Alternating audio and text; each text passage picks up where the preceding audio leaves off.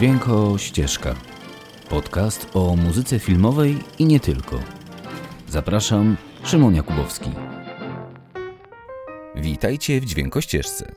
Dziś zapraszam Was na spotkanie wyjątkowe, bo spotkanie to będzie ze światem bajkowym, gdzie magia spotyka realizm, a baśniowe stworzenia podglądają codzienne problemy ludzi. I tak te dwa odrębne światy mieszają się ze sobą i tworzą przestrzeń dla dużych i tych małych widzów. A dziś lecimy do Japonii, do najsłynniejszego studia animacji, jakie poza Disneyem chyba na świecie jest. Mowa tu o japońskiej fabryce snów i miejscu, gdzie zdecydowanie to właśnie dzieci i ryby mają głos. Zapraszam Was do studia Ghibli, gdzie na co dzień powstają najpiękniejsze filmy animowane w Tokio i chyba całej Azji. Dzisiejszy film, o którym porozmawiamy, to jeden z najgłośniejszych tytułów z wytwórni Hayao Miyazakiego z 1997 roku pod tytułem Księżniczka Mononoke, właśnie w reżyserii Miyazakiego. Muzykę do tej przepięknej anime napisał jeden z najlepszych japońskich kompozytorów, Joe Hisaishi, którego utwory okraszają w zasadzie większość produkcji wychodzących ze studia Ghibli. Także dziś kierunek wschód, kraj kwitnącej wiśni i świat, który choć projektowany jest zdecydowanie dla dziecięcego widza, ma sporą grupę fanów wśród dorosłych z gredów, do których zaliczam się i ja. Ale po kolei. Najpierw muzyka, bo ta w tym filmie jest zwyczajnie magiczna, prawie tak samo jak sam film. Zatem herbata jaśminowa w rękę, Owijamy się w kimono, kto tam ma i słuchawki na uszy. Zapraszam w magiczny świat lasów pełnych duchów, demonów i walki dobra ze złem.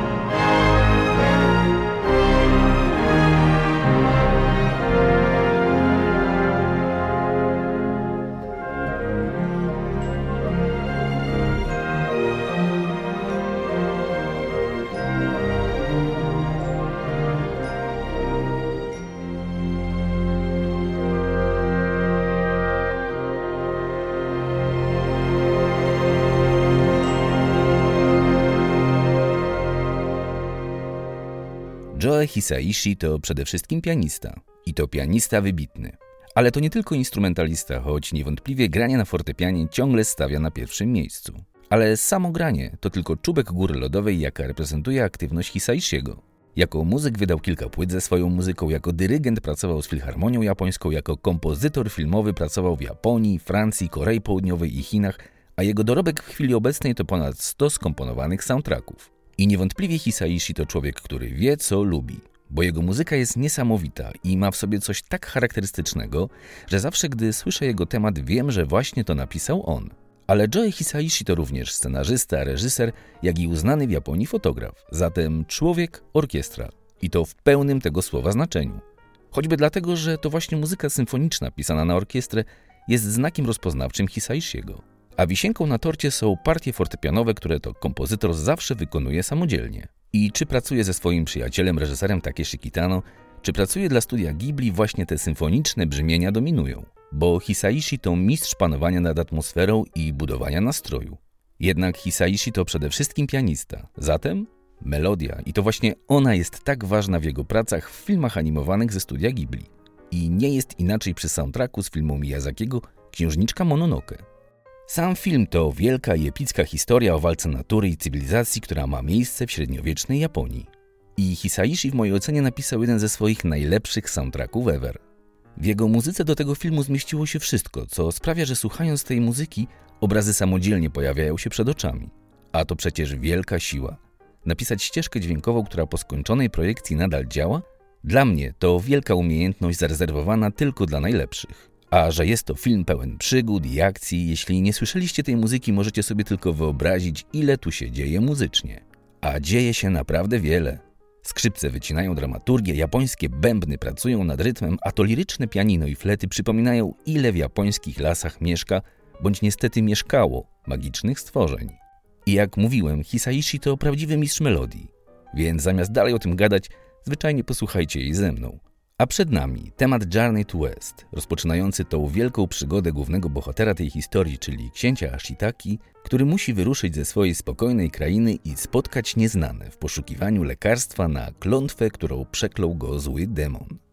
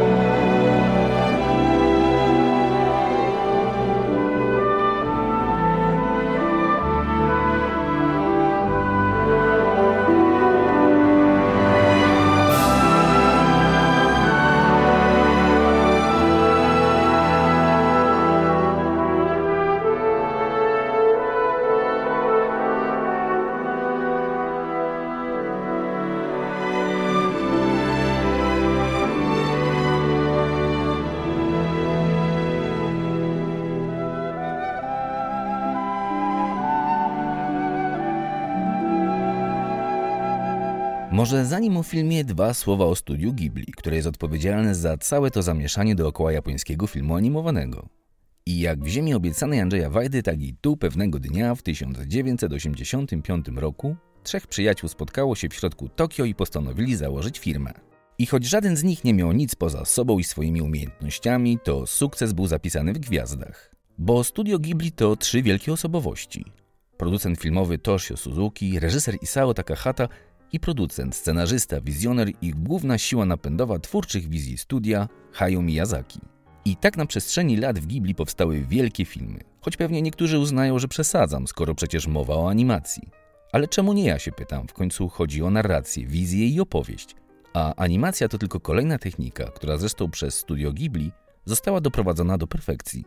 I nie mylmy proszę animacji Miyazakiego z japońską telewizją czy filmami animowanymi znanymi z Cartoon Network. Bo filmy Miyazakiego to przede wszystkim wielkie, epickie kino, wspaniały rozmach inscenizacyjny, emocje i tradycja japońskiego malarstwa w jednym.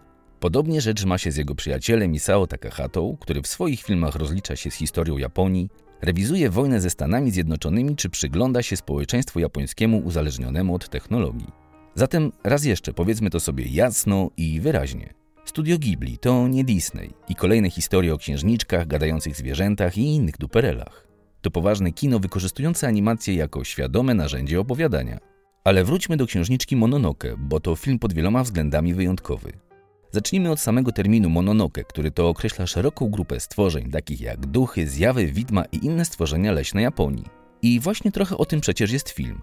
O księżniczce leśnych duchów, która robi co może, żeby ochronić to, co już za chwilę cywilizacja pochłonie na zawsze. Bohaterem tej historii jednak jest ktoś inny, a mianowicie książę Ashitaka, który chcąc chronić swój lud, zmuszony jest do walki z demonem. I demona udaje się pokonać, jednak ten dokonuje ostatniego aktu zemsty i zaraża księcia klątwą, która karmi się nienawiścią, złością i nieszczęściem. Książę Ashitaka musi wyruszyć ze swojej krainy i odnaleźć ducha lasu, który to jako najpotężniejszy władca natury jako jedyny jest w stanie go uleczyć.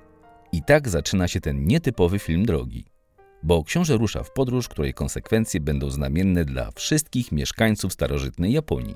Czy wygra, czy przegra, czy zwycięży natura strzeżona przez duchy lasu, klany, wilków i potężnych dzików, czy wygra żelazne miasto i jego tajemnicza opiekunka? Zobaczcie sami. Uwierzcie mi, warto zainwestować swój czas w tą historię, bo to mit sam w sobie na tyle ważny i czytelny dla każdej kultury, że pomimo, że akcja jest tak mocno osadzona w średniowiecznych lasach Japonii, konflikt czytelny będzie dla każdego. Osobiście sam obejrzałem film już wiele razy. I niedawno nawet pokazałem go dziecku i choć było trochę strachu, jednak warto było. Bo do dziś obejrzeliśmy już prawie wszystkie filmy ze stajni Ghibli i dzieciakom ciągle mało. A wspominam o tym, bo właśnie zaczęły się ferie i młodym widzom coś pokazać będzie trzeba wieczorami, jak wrócą ze stoku i sanek. A włodarze platformy Netflixa kolejny raz udowodnili, że wiedzą co to dobre zarządzanie i właśnie ogłosili, że kupili 21 tytułów ze studia Miyazakiego. I tak, od 1 lutego nie musicie już szukać chaotycznie. Netflix zrobi to za Was, proponując aż 21 produkcji pełnometrażowych od Ghibli, w tym takie hity jak Mój sąsiad Totoro, właśnie Księżniczka Mononoke czy Spirited Away. A poza samymi filmami to przecież i prawdziwe święto dla fanów muzyki filmowej. Zatem czekając na filmy, posłuchajmy muzyki. A na temat Księżniczka Mononoke zaprasza orkiestra Joe Hiyasashiego i najwybitniejszy głos japońskiej opery Yoshikazu Mera.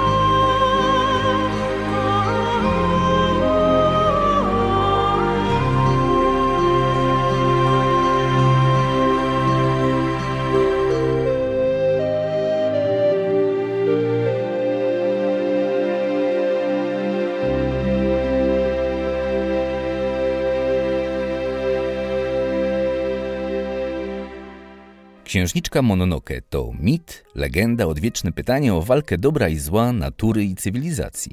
Kto ma rację? Kto powinien zwyciężyć? Czy cel uświęca środki?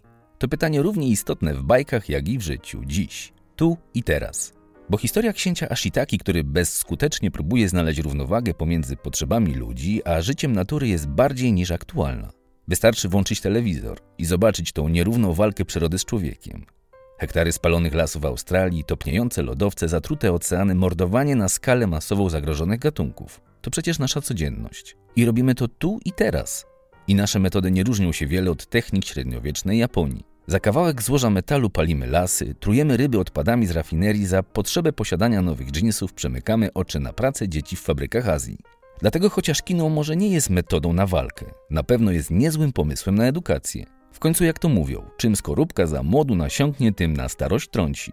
I choć ja świata za bardzo zmienić nie mogę, przynajmniej próbuję nauczyć czegoś moje własne dzieci. A w mojej opinii filmy ze studia Ghibli są najlepszym nauczycielem. Nie ogłupiają, nie namawiają do konsumpcji banalnych stereotypów, nie przekonują. Pokazują obie strony, uczą, a nie manipulują. Korzystają z bogatej tradycji historii malarstwa i muzyki. I dlatego właśnie te filmy się nie starzeją. Trwają tak jak wartości, z których korzystają. Przekonajcie się zresztą sami i jeśli nie znacie tych tytułów, otwórzcie się na Kino Azji. A nuż ktoś po drugiej stronie świata może mieć rację i choć używa tak dziwnej techniki jak animacja, jednak może robi to z sensem. No dobra, to tyle na dziś. Jeśli lubicie filmy i kochacie soundtracki, szukajmy się w sieci. Uważajcie na siebie i raz dziennie zróbmy coś dla matki Gai.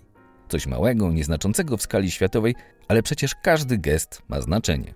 W końcu, jak się pościelemy, tak się wyśpią nasze dzieci. Do usłyszenia, oby w lepszym jutro. Czołem.